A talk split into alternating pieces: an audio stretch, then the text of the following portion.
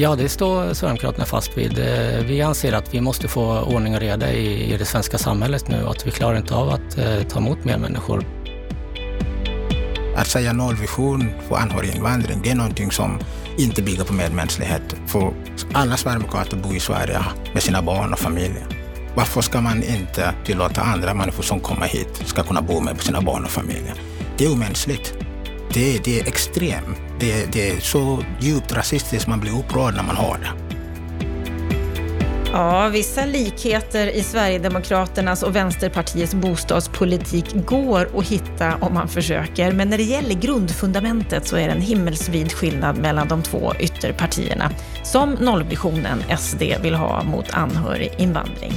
Hör om dessa två partiers syn på vad som skapar ett tryggt samhälle, varför svenskarna inte tilltalas av deras bostadspolitik och vad de ser som de viktiga åtgärderna framåt. Det kommer dagens politikersamtal att handla om. Varmt välkommen till Bopolpodden som programleds av mig, Anna Bellman. En podd som vill lyfta både det aktuella och även gå på djupet i vissa frågor. Och i en serie om fyra så har vi samlat alla riksdagspartier för att höra om deras syn på vår samhällsutveckling nu när vi är ganska mitt emellan två val. Snart är det dags för samtal två, det är mellan Sverigedemokraterna och Vänsterpartiet. Men innan det samtalet så ska vi titta på vad som har hänt på den bostadspolitiska arenan under veckan.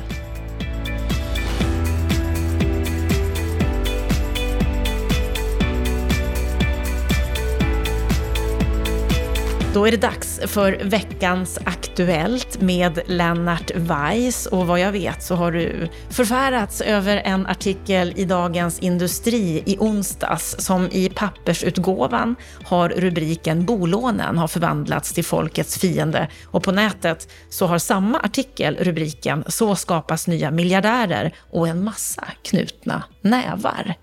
Vad är det du ser som speciellt med den här artikeln, Lennart?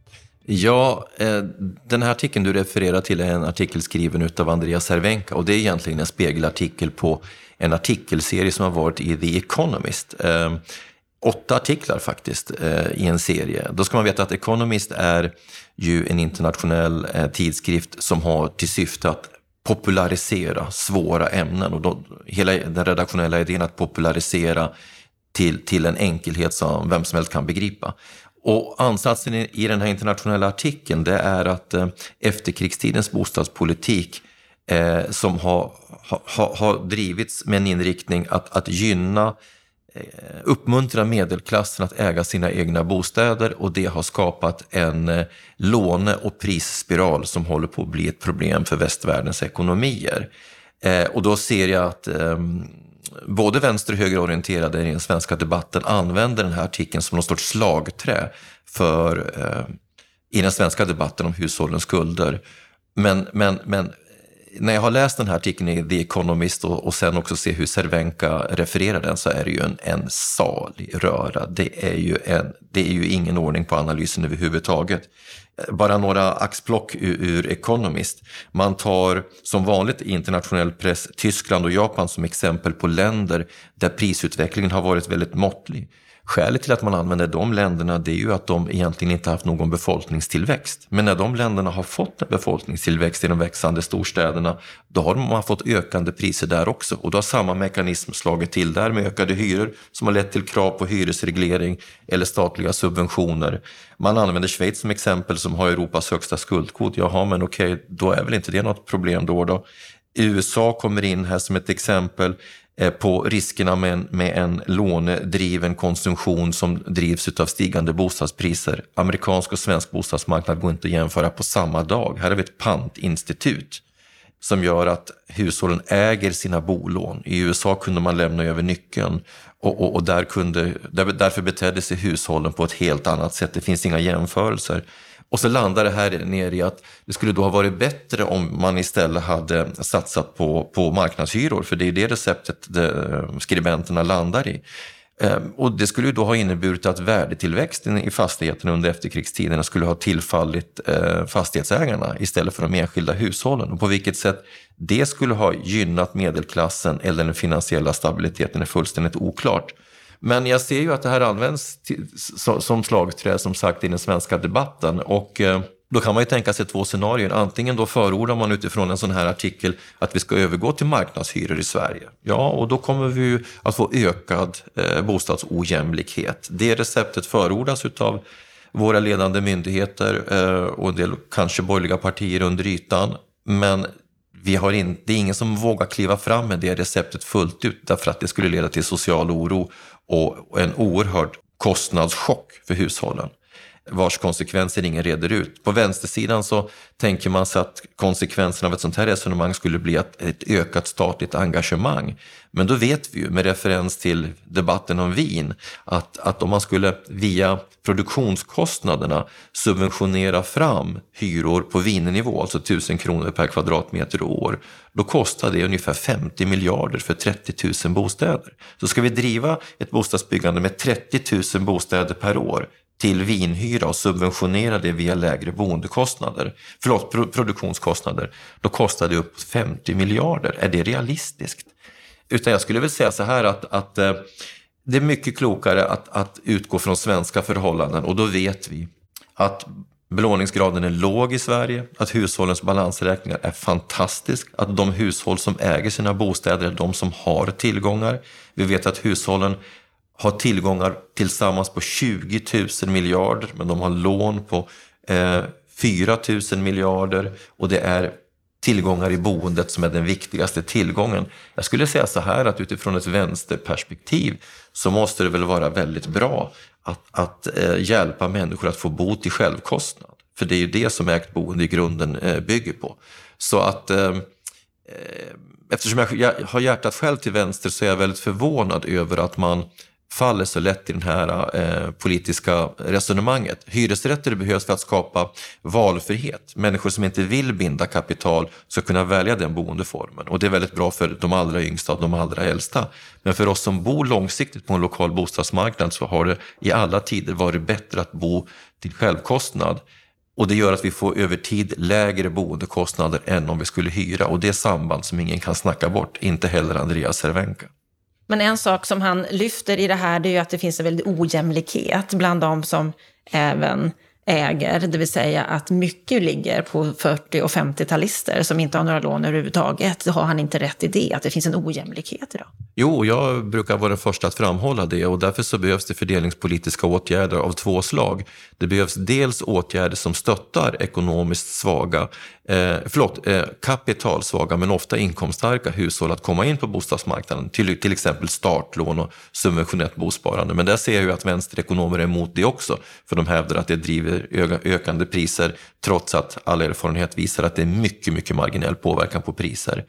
Eh, men däremot stor effekt utav de här åtgärderna från andra länder som har infört det. Och för det andra så är jag ju också för att man, att man har en, en eh, löpande beskattning utav värdetillväxt i bostäder, det vill säga en annan typ av fastighetsbeskattning idag. Så att man alltså kan skapa resurser genom, den, genom att beskatta den värdetillväxt som har skett i de bostäder som du och jag äger, Anna, och, och, och stötta de hushållen som ska in på bostadsmarknaden. Den typen av fördelningspolitiska mekanismer måste ett gott samhälle ha.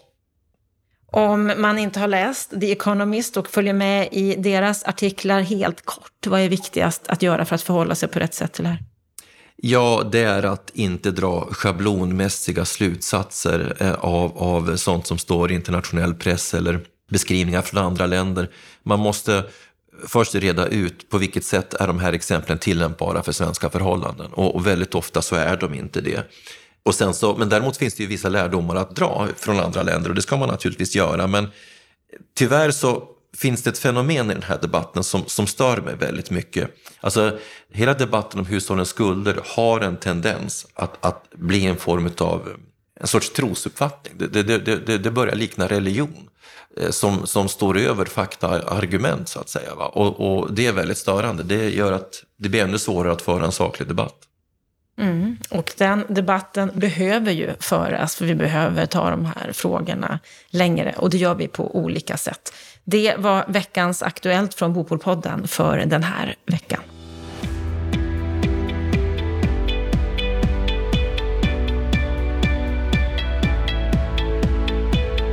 I en otroligt spännande serie så träffar vi alla politiska partier för att höra vad de tycker om läget på bostadsmarknaden just nu. Om de är nöjda med januariöverenskommelsen och vad som har kommit ur den. Vilka problem de ser på bostadsmarknaden och vad de tänker göra åt det. Och I det första avsnittet så träffade vi Centerpartiet och Liberalerna förra veckan. Idag har turen kommit till Sverigedemokraterna och Vänsterpartiet. Varmt välkomna till Bopolpodden, Roger Hedlund och Momodou Malcolm Jallow. Tack så mycket. Tack så mycket. Roger, du är bostadspolitisk talesperson för Sverigedemokraterna. Vad är din sinnesstämning idag? Ja, att det händer inte tillräckligt mycket på det bostadspolitiska området. Och eh, det är oroande att man inte ser vikten av det här politiska området eftersom det berör så pass många andra delar utav både politiken och samhället. Så det här läget, det gör din sinnesstämning lite tung, eller? Eh, ja, det skulle jag säga. Eftersom eh, eh, om man inte fokuserar på det här området så drabbas så många andra. Det handlar om möjligheten till att ha en bra arbetsmarknad.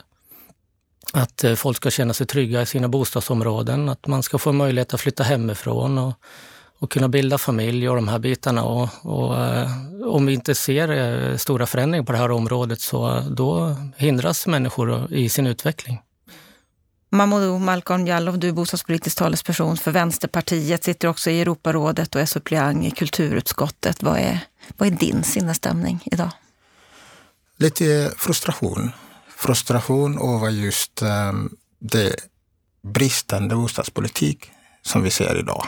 Eh, frustration om eh, bostadslösheten, frustration och bostadsbristen i de flesta kommuner i Sverige. Frustration över min egen kommun där jag ser barnfamiljer som är hemlösa, fler och fler som blir hemlösa. Frustration över just eh, den typen av attityd och det som jag kallar kognitiv dissonans från just de, regeringen och eh, januaripartierna, där de hela tiden lever i sin egen värld som inte speglar just verkligheten i Sverige eh, vad det gäller bostadspolitiken. Så den frustrationen driver ju mig och Vänsterpartiet att vara just den verkliga oppositionen. För vi vill att man ska ha en, en social bostadspolitik där staten ska ta en större roll och se till att bostaden som en rättighet, eftersom det står i grundlagen, det står i FN-konventionen, det här är en social rättighet, ska vara just det och inget annat. För att få veta lite mer, vilken är din hemkommun? Malmö. Malmö. Och Roger? Gävle. Mm. Vi har ju lätt att se bostadssituationen och bostadspolitiken som storstadspolitik. Eller hur? Känner ni igen det? Oh, absolut, men det är ju välkänt att bostadsbristen är det påverkar ju hela Sverige. Mm. Alla är berörda av det. Alla är berörda av det. För att få veta lite mer om er, om vi börjar med dig Roger. Hur kommer det sig att du engagerade dig i politiken och i bostadspolitiken? Ja, jag, jag började engagera mig väldigt ungt när jag såg eh, i grund och botten var det problematiken med migrationspolitiken i Sverige, där jag såg att man eh, jag liksom växte upp med tron på att man faktiskt var ute efter att hjälpa människor. Men sen så såg jag att man höll på att stöpa om Sverige till någonting helt annorlunda än, äh, än det som vi, vi ser Sverige som. Och äh, jag menar ju på att man behöver hjälpa människor, men att det gör man bäst genom att hjälpa personer i dess närområden. Och det var där jag började min, mitt politiska engagemang. Sen, hur kommer det sig att det just är bostäder nu som du fokuserar på?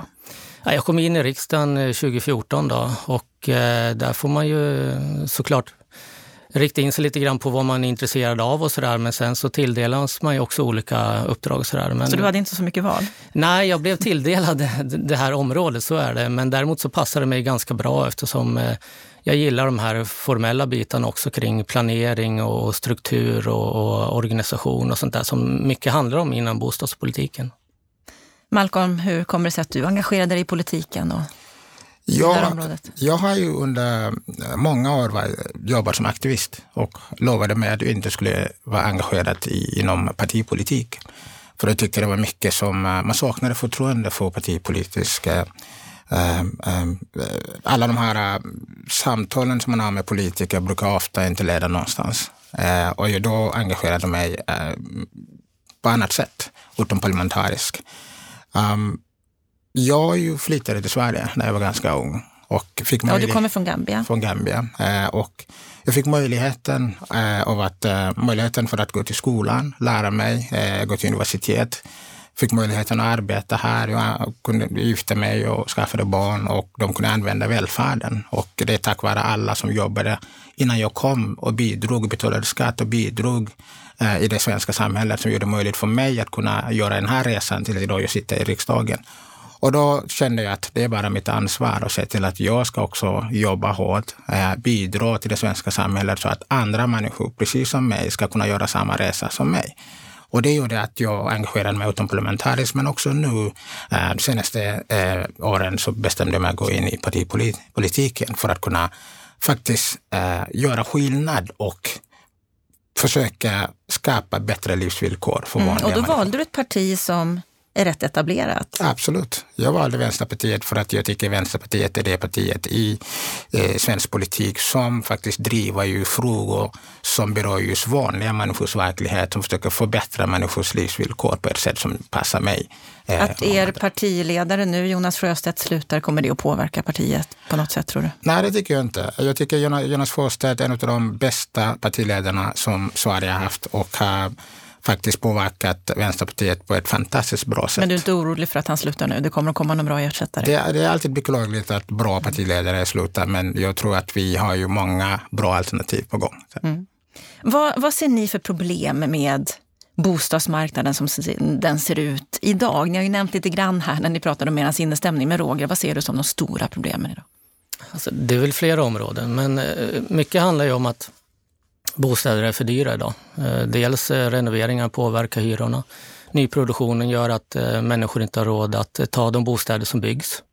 Men det är också så att de som gör en bostadsresa, som man brukar säga, att man går från ett bättre boende till en nyproduktion till exempel.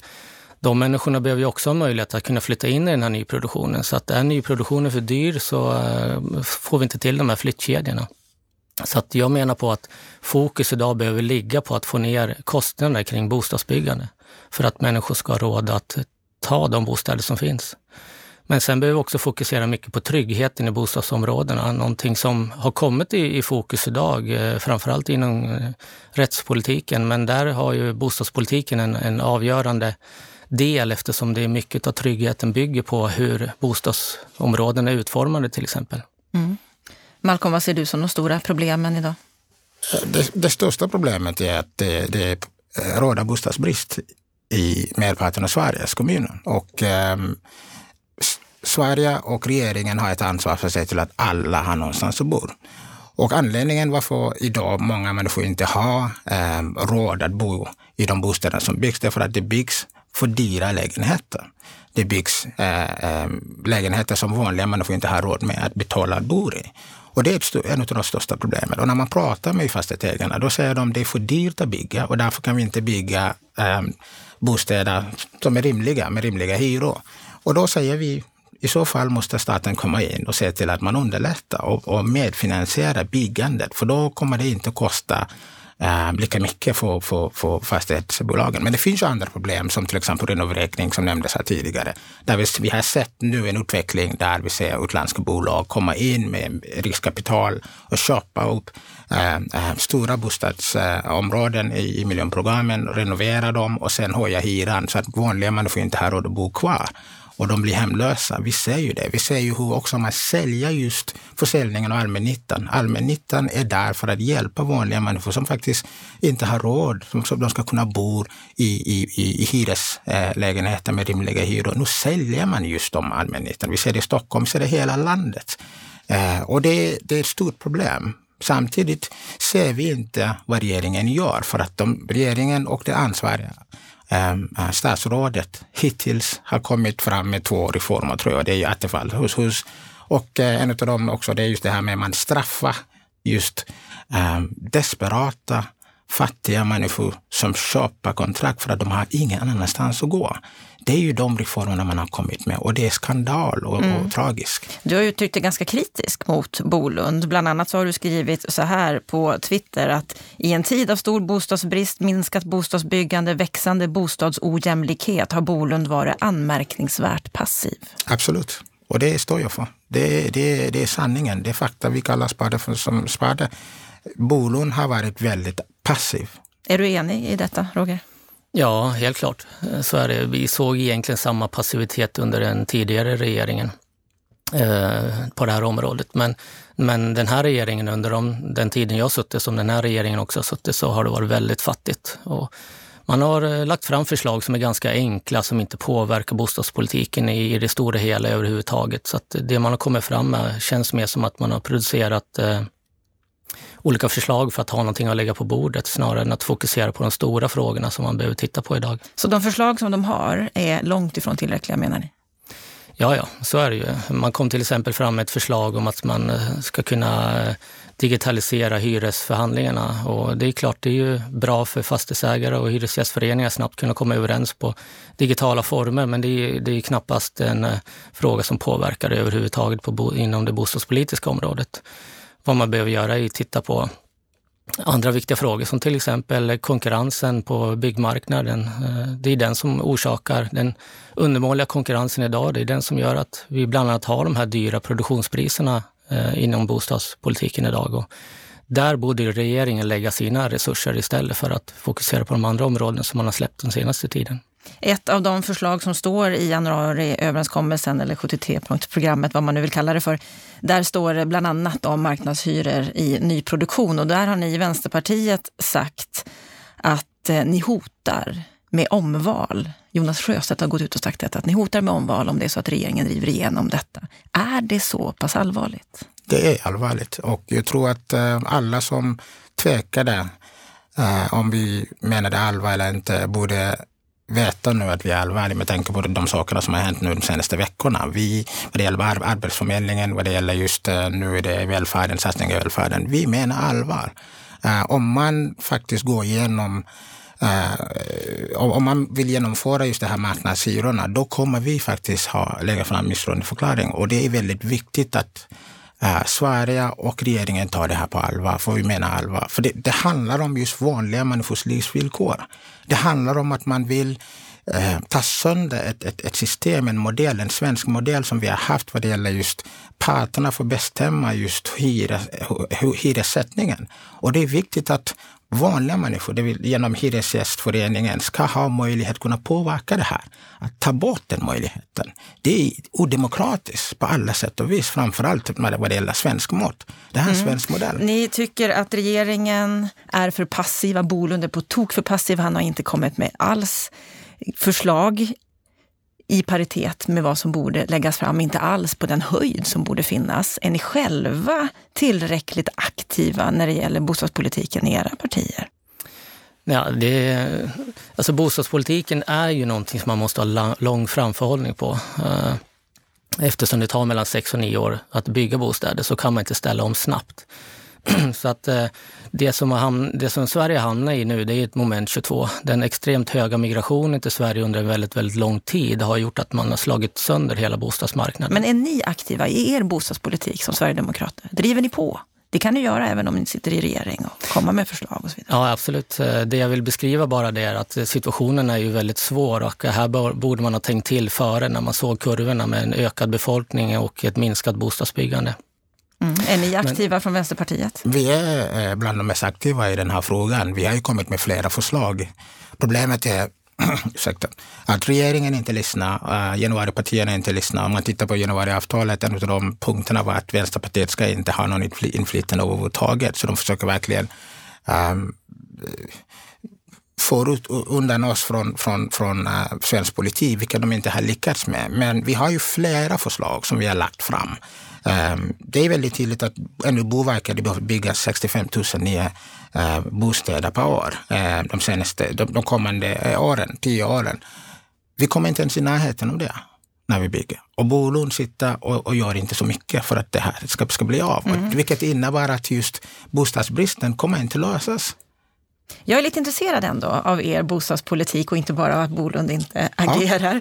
Ja. Och när jag tittade och läste en Novus-undersökning som gjordes innan valet så fick svenskarna där berätta om partierna hade en bostadspolitik som tilltalade dem. Och där svarade de flesta svenskarna vet ej. Det här är ju ingen riktig valfråga. Även om det är något som berör alla svenskar så sätter sig inte jättemånga in i bostadspolitiken och den problematik som vi har på bostadsmarknaden idag.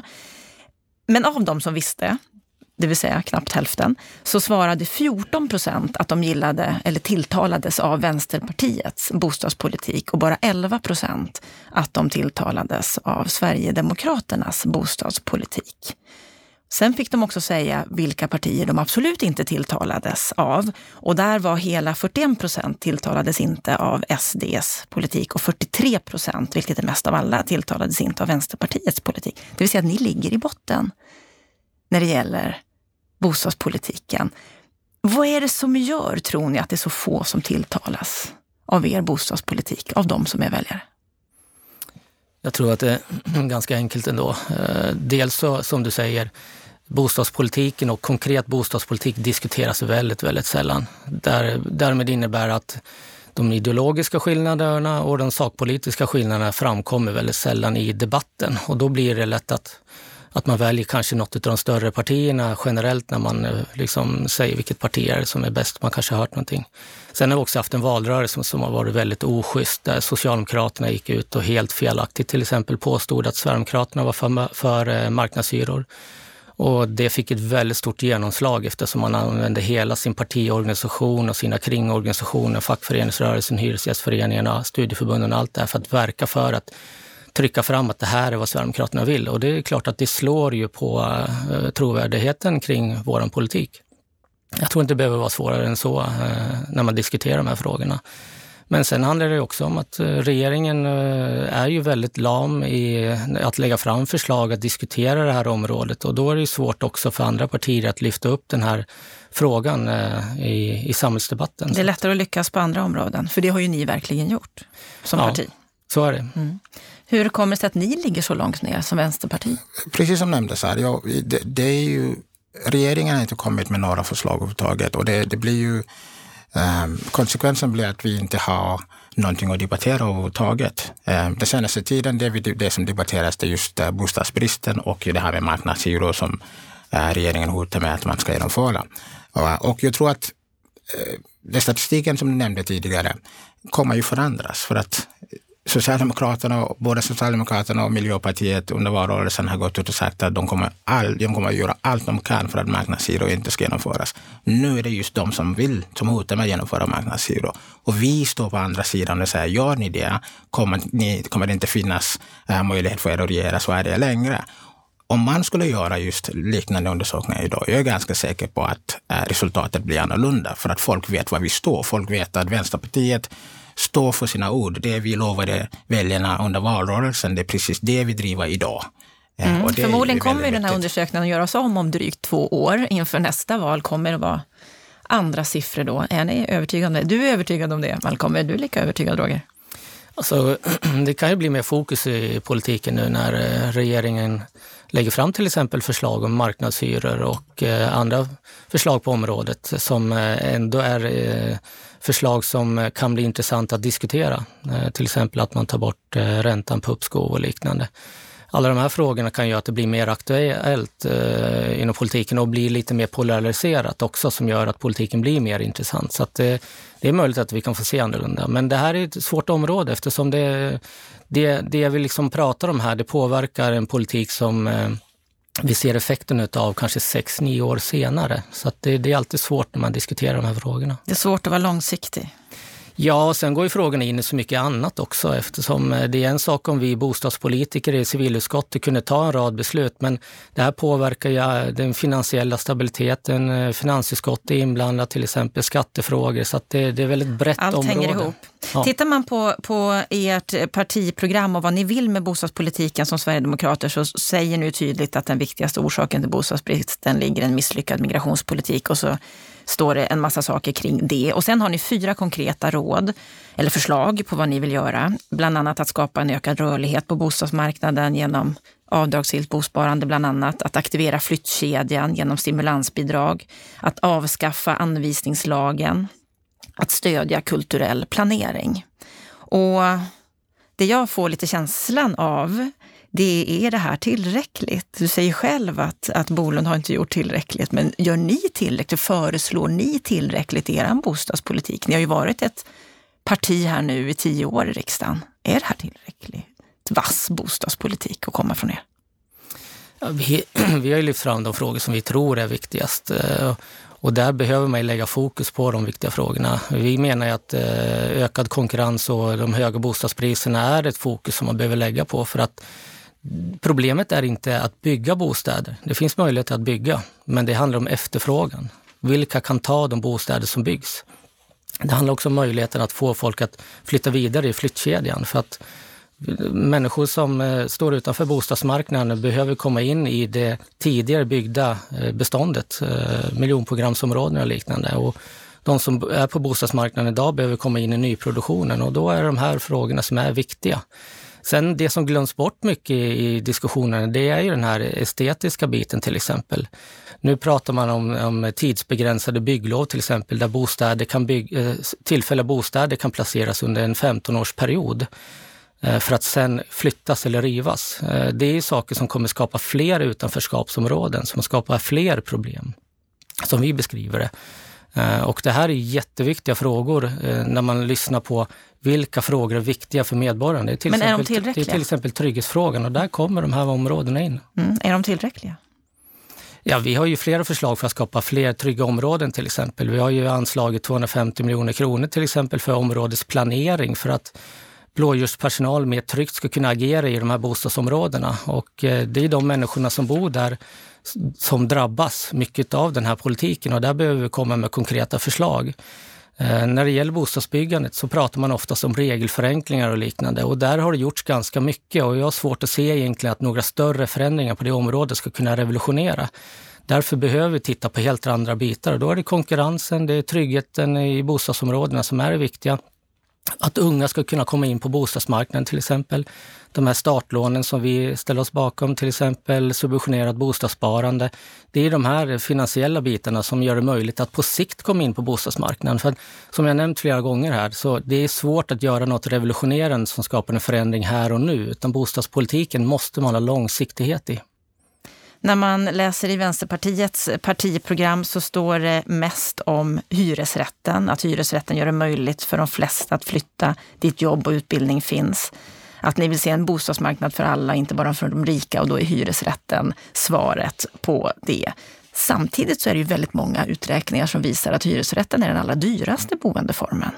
Varför sätter ni den så otroligt högt? Först och främst måste man äh, försöka förstå varför hyresrätten är en av de dyraste eh, äh, jämfört med andra former. Det är för att staten subventionerar andra boendeformer. Staten subventionerar äh, hus, folk som har hus, folk som har äh, bostadsrätter. Och det här är människor som faktiskt har råd. Och så betalar vi dem. Vi ger dem bidrag. Men vi vill inte hjälpa de människorna som faktiskt behöver det. Vänsterpartiets bostadspolitik bygger på behov. Har du behov av att få stöd, då får du det. Har du behov av att få någon boende, då måste vi satsa eh, eh, på hyresrätter. För det är där vanliga människor har råd med att bo i.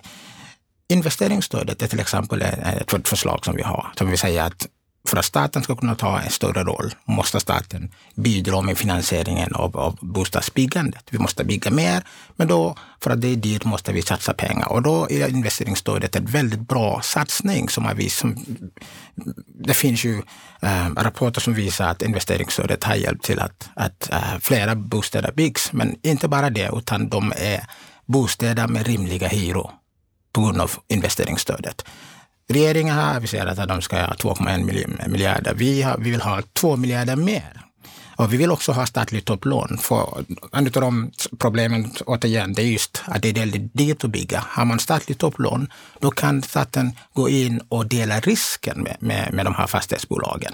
Eh, så man kan ge fastighetsbolagen en förmånlig lån på, på 25 procent eh, eh, och sen fastighetsbolagen ska komma med 5 procent och resterande 70 procent kommer som vanligt från bankerna. Det här är ett sätt, där staten, ett sätt för staten att komma in och ta större roll och hjälpa till med bostadsbyggandet så att flera bostäder med rimliga hyror kan byggas. Det är ju för oss är väldigt viktigt för då bygger man för alla. Och istället för att man ska subventionera och hjälpa människor som redan har råd, då kan man faktiskt satsa de pengarna för att hjälpa människor som inte har råd, som idag är hemlösa eller riskerar att vara hemlösa. Det är båda bra eh, vad det gäller, vi har ju segregation, eh, vi har ju eh, trångboddhet, vi har ju människor som inte kan ta jobb för att de inte kan flytta för det inte finns bostäder. Vi har ju ungdomar som eh, ofrivilligt bor hemma hos föräldrarna fortfarande idag. Alla de här problemen kan vi lösa när staten tar större roll. Och det har vi erfarenhet av. Ni pratar samtidigt om, samtidigt som ni lyfter upp hyresrätten väldigt högt, så pratar ni också om vikten av att ha blandade boendeformer. Absolut. Borde ni inte lyfta upp det ägda boendet lite mer och möjliggöra för fler att faktiskt bo bättre eller billigare? Jo, men det, det, det, gör vi. Vi tycker att det är viktigt att ha blandade boendeformer. Men problemet är varje gång vi tittar på svensk politik och pratar om blandade boendeformer, då pratar vi bara om eh, förorter till exempel. När man pratar om rika områden, då är det ingen som pratar om blandade boendeformer där. Vi vill gärna ha hyresrätter bland villor, men, men det är ingen som pratar om det. Så det blir dubbla måttstock. Det blir eh, hyckleri helt enkelt.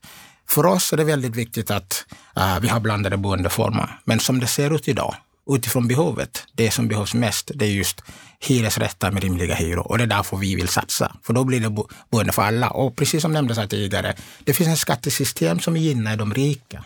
Vi subventionerar många genom ROT och all, alla de andra bidragen som finns för människor som äger sina bostäder. Men när vi pratar om att vi ska ha ju, um, anslag för att renovera hyresrätter, då vill um, högern till exempel ta bort helt och hållet den möjligheten.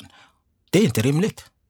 När man tittar på er två som partier så kan man ju tro att ni står väldigt långt ifrån varandra politiskt. Men tittar vi på hur ni ser på bostadspolitiken så tycker jag märker under den här stunden och när jag läser på om er att ni, ni står rätt nära varandra. Håller ni med om det?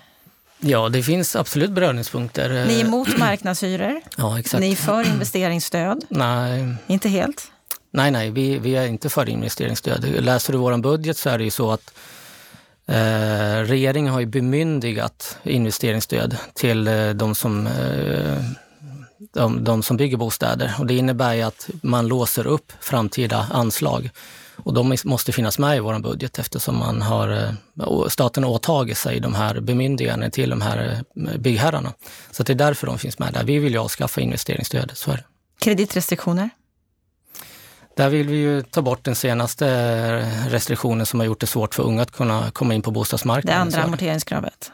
Precis. Mm. Hur ser Vänsterpartiet på vi, kreditrestriktionerna? Vi stod bakom kreditrestriktionerna för det var nödvändigt för att uh, bromsa skuldsättningen. Vi vet ju att skuldsättningen uh, ökar och, uh, i hushållet och det är ju ekonomiskt oansvarigt att öppna upp så att flera människor ska kunna ta lön Eh, Eh, och vi vet ju att vi, kommer ju, vi går in i lågkonjunktur och ekonomin blir inte lika stark som det har varit. Vi måste ju ha en, en, ett ansvar i ekonomisk politik och därför måste vi ha ju de här eh, restriktionerna. Eh, men det finns ju andra sätt att göra det här på och vi har ju lagt fram förslag kring hur man ska kunna göra det här. Men vi är just nu kreditrestriktionerna och vi tycker de är viktiga att ha för att skydda befolkningen. Mm. Ni eh, föreslår istället för marknadshyror då vill ni ha något som ni kallar för vänsterhyror. Ja, eh, vi, vi, vill ha ju det som kallas vänsterhyror och i, i stort sett det handlar om att bygga en social, eh, bostadssocial politik. Och, och eh, med vänsterhyror, hela tanken med att man ska kunna ha ett system som gör det billigare, som gör det enklare, som gör det eh, eh hyresrätten mer tillgänglig för, för vanliga människor, som låginkomsttagare. Och därför, kommer vi, eh, därför föreslår vi just vänsterhyror. För vänsterhyror, det är ett exempel som kommer från Örebro till exempel. Eh, där, där det finns ju ett eh, rabattsystem, med rabatterade system som, som, som hyresgäst man får åtnjuta under en tidsperiod. Och för oss är det väldigt viktigt. Och, men det, det viktigaste för oss egentligen är inte Eh, vänsterhyran är bara en modell. Vi vill att man ska ha en, eh, en, en, en, en man ska bygga flera bostäder. Och sta, om staten går in och bidrar med mer pengar, med mer resurser för att bygga flera bostäder, då kommer ju inte ens de här vänsterhyrorna behövas, för då gäller det alla och det kommer gynna hela befolkningen, inte bara de rika. Ja, och här vill ni inrätta ett statligt byggbolag med fokus på att bygga hyresrätter med rimliga hyror. Varför ett statligt byggbolag? Nej, men för att det är viktigt med konkurrens. Alltså det är viktigt att, uh, det är viktigt att, att staten kan komma in och ta större roll återigen. Uh, eh, om stat, staten har ju allmännyttan som det viktigaste. Staten har ett kontrakt med, med vanliga människor, med, med medborgarna, att, att medborgarna ska jobba och betala skatt och staten ska se till att de skattepengarna ska Finns det andra exempel där det här fungerar? Har ni historiska exempel där vi kan se att det här är en framkomlig väg eller andra länder som agerar på det sättet? Vi har historiska exempel. Eh, för hundra år sedan när vi hade till exempel marknadshyror där fastighetsägaren var de enda som hade eh, ensamrätten och att, att bestämma hyrorna. Det som hände var Sverige fick Europas högsta hyror. Hemlösheten ökade. Eh, folk bodde i tält. Folk bodde i tomma lokaler. I, Stockholm, en stor del av befolkningen i Stockholm bodde inneboende, för folk hade inte råd att bo i, i vanliga lägenheter. Ja, för tittar vi eh, idag på en annan marknad som har ett sådant upplägg, exempelvis utbildningsföretaget Lernia, så har de ju jätteproblem de här dagarna och har bett om att få ett ägartillskott på 450 miljoner kronor. Är det ändå sunt att fortsätta predika om ett statligt byggbolag? Nej, men det, det, frågan som ska ställa sig, är det sunt att vilja och, och predika marknadshyror till exempel, när vi har ju erfarenhet av det, inte bara i Sverige för hundra år sedan, utan i andra länder. Vi ser ju i Tyskland där man har gått in och bestämt i Berlin att nu, nu måste vi sluta försäljningen. Nu måste vi se till att de här byggbolagen som kommer, riskkapitalister som kommer att ta över, renovera och höja hyrorna, det ska, det ska sätta stopp för hy, hyreshöjningarna. Vi ser i, i Finland, de har ett annat system. Vi ser i andra länder hur det systemet som i Sverige vi nu vill gå in på, eller regeringen aviserar att de vill gå in på, vi ser hur katastrofalt, vilka konsekvenser som det blir. Så trots att vi ser problem inom andra sektorer så med det upplägget vi... så kommer ni fortsätta? Nej. Och driva den nej, här linjen? Nej, vi kommer fortsätta driva den linjen som vi ser är bra för svenska folket. Och det vill säga att staten måste ta en större roll uh, i, i bostadsbyggandet och bostadspolitiken. När det här programmet spelas in så är det drygt en vecka innan, innan det sänds och då har vi ganska nyligen bevittnat sprängningar i Husby, Kista och några dagar innan det på Östermalm. Det här är ju någonting som när man följer mediebevakning känns som att det ökar i vårt samhälle. Sen finns det statistiker som säger att det gör inte det. Vi får inte ett mer otryggt samhälle. Fast det är ju den känslan vi som bor här får när vi följer media. Och trygghet är ju någonting som vi alla värderar väldigt högt och någonting som ni som Sverigedemokrater lyfter otroligt högt i ert partiprogram. Antalet otrygga utsatta områden i Sverige ökar, bostadsområdena blir allt mer trångbodda, segregationen breder ut sig, skriver ni i ert partiprogram, Roger. Tryggheten är viktig. Ja. För alla. För alla, ja. Även för de som har kommit hit på senare år som flyktingar. Ja, men det är väl självklart. Eh, alla som bor i Sverige ska vi skapa trygghet för. Det är, det är inget snack om den saken. Och här har jag en sak som jag måste få fråga dig om som inte riktigt går ihop i mitt huvud. För tryggheten är viktig för alla och skapas ju ur flera aspekter. Dels genom att vi förstärker polisernas insatser som ni ju föreslår väldigt starkt. Men också att de människor som jag har närmast mig i mitt liv också finns och bor med mig. Och i en eh, artikel i, på bostadspolitik.se innan valet så skrev du, Roger, att du vill införa en nollvision för asyl och anhöriginvandring. Går det här ihop om man inte får ta hit den som man står närmast, som inte kunde följa med när jag flydde hit? Så ska du få uppehållstillstånd i Sverige och få asyl så ska du också ha ett eh, behov av att få asyl. Det är därför man prövar det och det är det vi menar på att det måste bygga på. Sverige har tagit emot en extremt hög andel migranter under väldigt, väldigt lång tid. Eh, hösten 2015 så slog regeringen upp eh, tältläger i den svenska kylan. Det är klart att vi måste se över migrationspolitiken på det här området. Eh, så som bostadsmarknaden ser ut till exempel så finns det inte bostäder idag till de som söker sig till Sverige. Det är många ungdomar som står utanför bostadsmarknaden och trångboddhet eh, skapar till exempel ökad eh, liksom otrygghet i samhället och folk, eh, eller ungdomar får svårare att läsa läxor till exempel som påverkar studiemöjligheterna i framtiden och så. Så att det här är ett område som absolut påverkar bostadspolitiken och måste ses över. Men nollvision för anhöriginvandring? Ja. Det står du fast vid? Ja, det står Sverigedemokraterna fast vid. Eh, vi anser att vi måste få ordning och reda i, i det svenska samhället nu och att vi klarar inte av att eh, ta emot mer människor. Men sen menar vi också att de bästa insatserna görs i krisens närområden. Det är en extremt hög andel människor som inte kan ta sig till Europa idag som är i behov av hjälp och det är de vi behöver fokusera på i första hand istället för att hjälpa ett fåtal personer i Sverige. Vad är det viktigaste för att skapa trygga samhällen där människor vill och vågar bo? Ja, det är en tilltro till rättssystemet. Eh, så är det ju att eh, polisen finns där när man är i behov av hjälp, men också att man ser till att skapa möjligheter för människor att känna sig trygga. Eh, att folk vågar visa sig ute skapar en ökad trygghet rent generellt. Det är därför vi också har pratat om en nationell strategi, just för att när det gäller till exempel kameraövervakning, eh, hur man eh, använder belysning för att skapa ökad trygghet, eh, områdesplanering till exempel, där man möjliggör för polisen att kunna verka i de här utsatta områdena. Och de, de utsatta områdena idag är ju den klassiska miljonprogramsområdena som byggdes på ett väldigt speciellt sätt som gör det svårt för polisen att verka idag. Och där behövs det resurser för att strukturera om områdena och kunna återigen göra dem trygga. För att eh, idag så är det de kriminella som styr många områden i Sverige. Och det är ett stort problem. Vad är det viktigaste för er för att skapa trygga samhällen? För oss, eh, det viktigaste, framförallt om man nu kopplar till bostadsmarknaden, vi vill ha en bostadsmarknad i balans där alla medborgare oavsett eh, inkomst, eh, ursprung eh, ges möjlighet att ha någonstans att bo.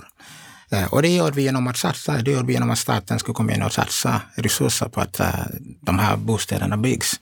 Det gör vi genom att satsa inom uh, välfärden, se till att uh, välfärden inte undermineras precis som det görs idag. Det gör vi genom att skapa arbete och så vidare och så vidare.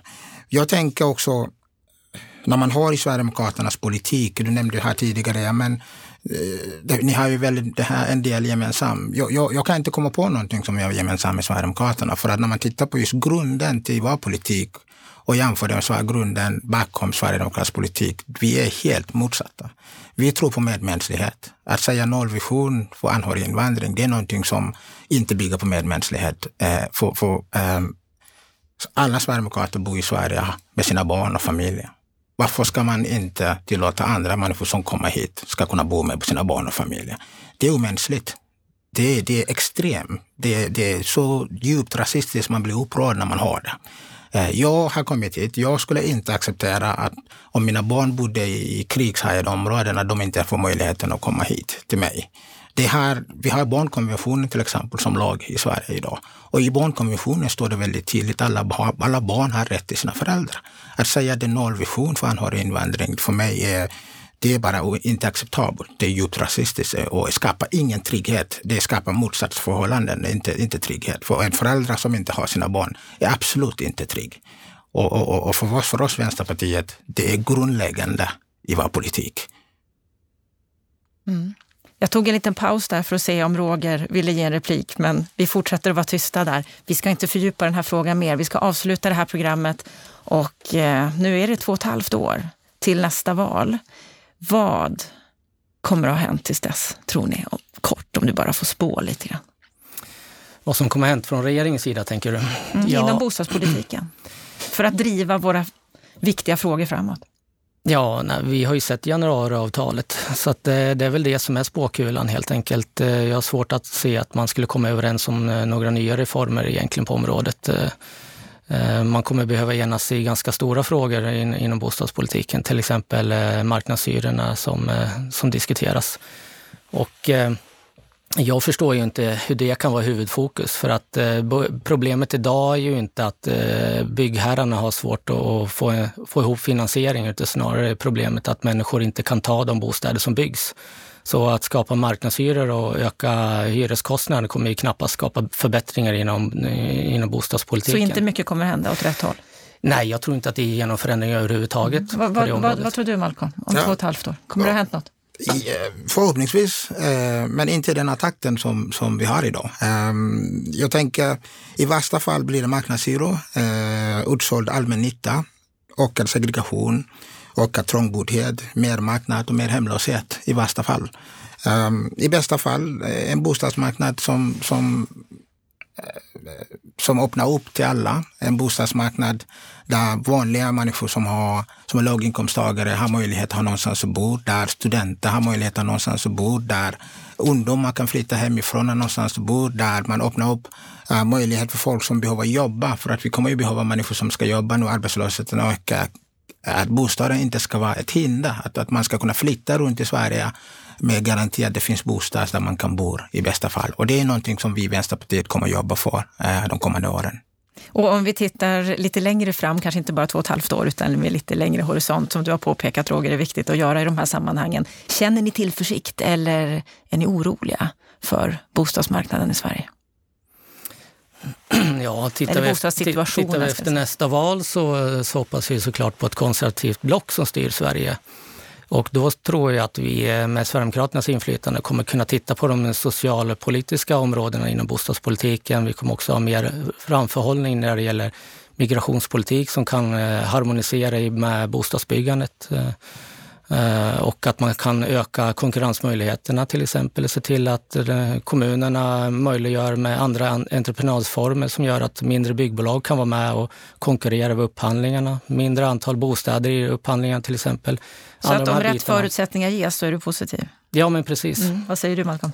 Um, ja, till skillnad från uh, Röger, jag uh, hoppas att Eh, inte nästa val, Socialdemokraterna och Miljöpartiet, framförallt Socialdemokraterna, eh, har fattat att de måste ju samarbeta vänsterut, de måste gå tillbaka till sina rötter och eh, förhoppningsvis kommer vi på vänsterkanten styra det här landet eh, och ta tillbaka just eh, välfärden, ta tillbaka just eh, den Sverige som man har byggt under de senaste hundra åren, där äh, medmänsklighet, där välfärden är det viktigaste, där, där äh, asylpolitiken bygger på medmänsklighet, där vi respekterar just mänskliga rättigheter, där vi alla går emot rasismen. Och, och om Socialdemokraterna gör det, då kan det hända bra saker? Nej, men om, om och självklart, Vänsterpartiet växer. Du ser ju senaste opinionen till 10,8 eh, och vi växer. Och nästa, förhoppningsvis nästa val kommer vi växa ännu mer.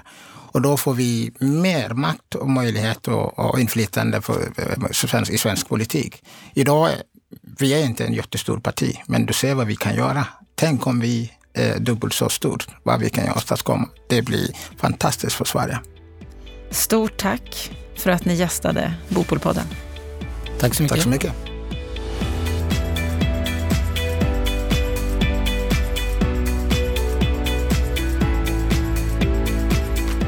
Då har vi hört samtalet mellan Sverigedemokraterna och Vänsterpartiet. Lennart Weiss, vad säger du om det här samtalet?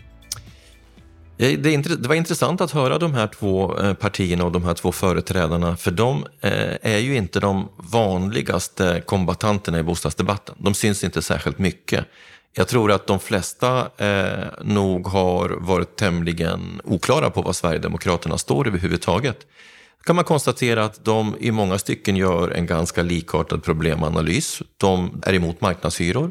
De reagerar på att vi har höga eh, priser, hyror i nyproduktionen. De ser det låga byggandet som ett politiskt problem.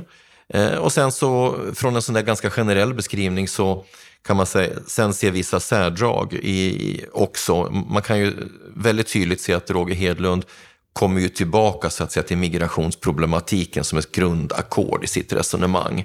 Och, och eh, Malcolm han kommer ju tillbaka hela tiden till att staten måste ta en större roll.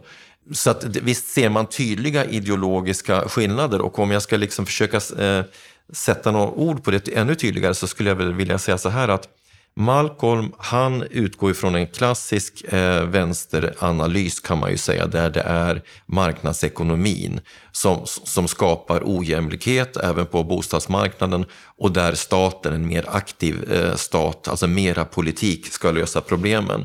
Och, eh, och Roger utgår ju mer från en traditionellt borgerlig, eller kan, man kan också säga liberal orienterad eh, grundsyn där marknaden ska eh, fungerar bättre genom att man antingen eh, reglerar marknaden på, på olika sätt, till exempel i, i syfte att främja konkurrensen, men också med vissa eh, politiska ingrepp av olika slag. Så att han ligger ju närmare, kan man säga, eh, i den meningen så ligger han ju närmare den, den breda eh, fåran i bostadsdebatten så som den har förts de senaste 20-25 åren. Och så tycker jag de har brister båda två.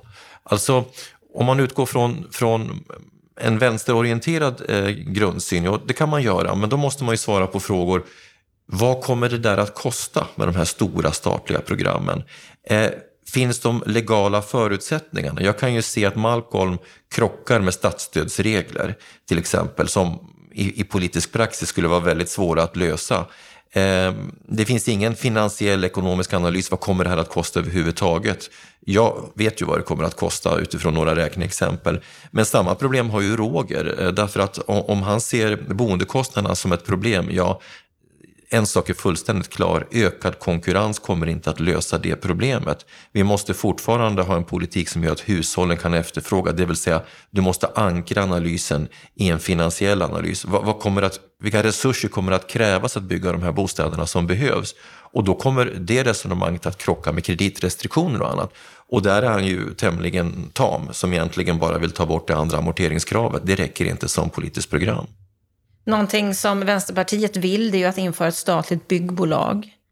Det är väldigt oklart vad som menas med det. Menar man bygg och anläggningsbolag eller menar man projektutvecklingsbolag?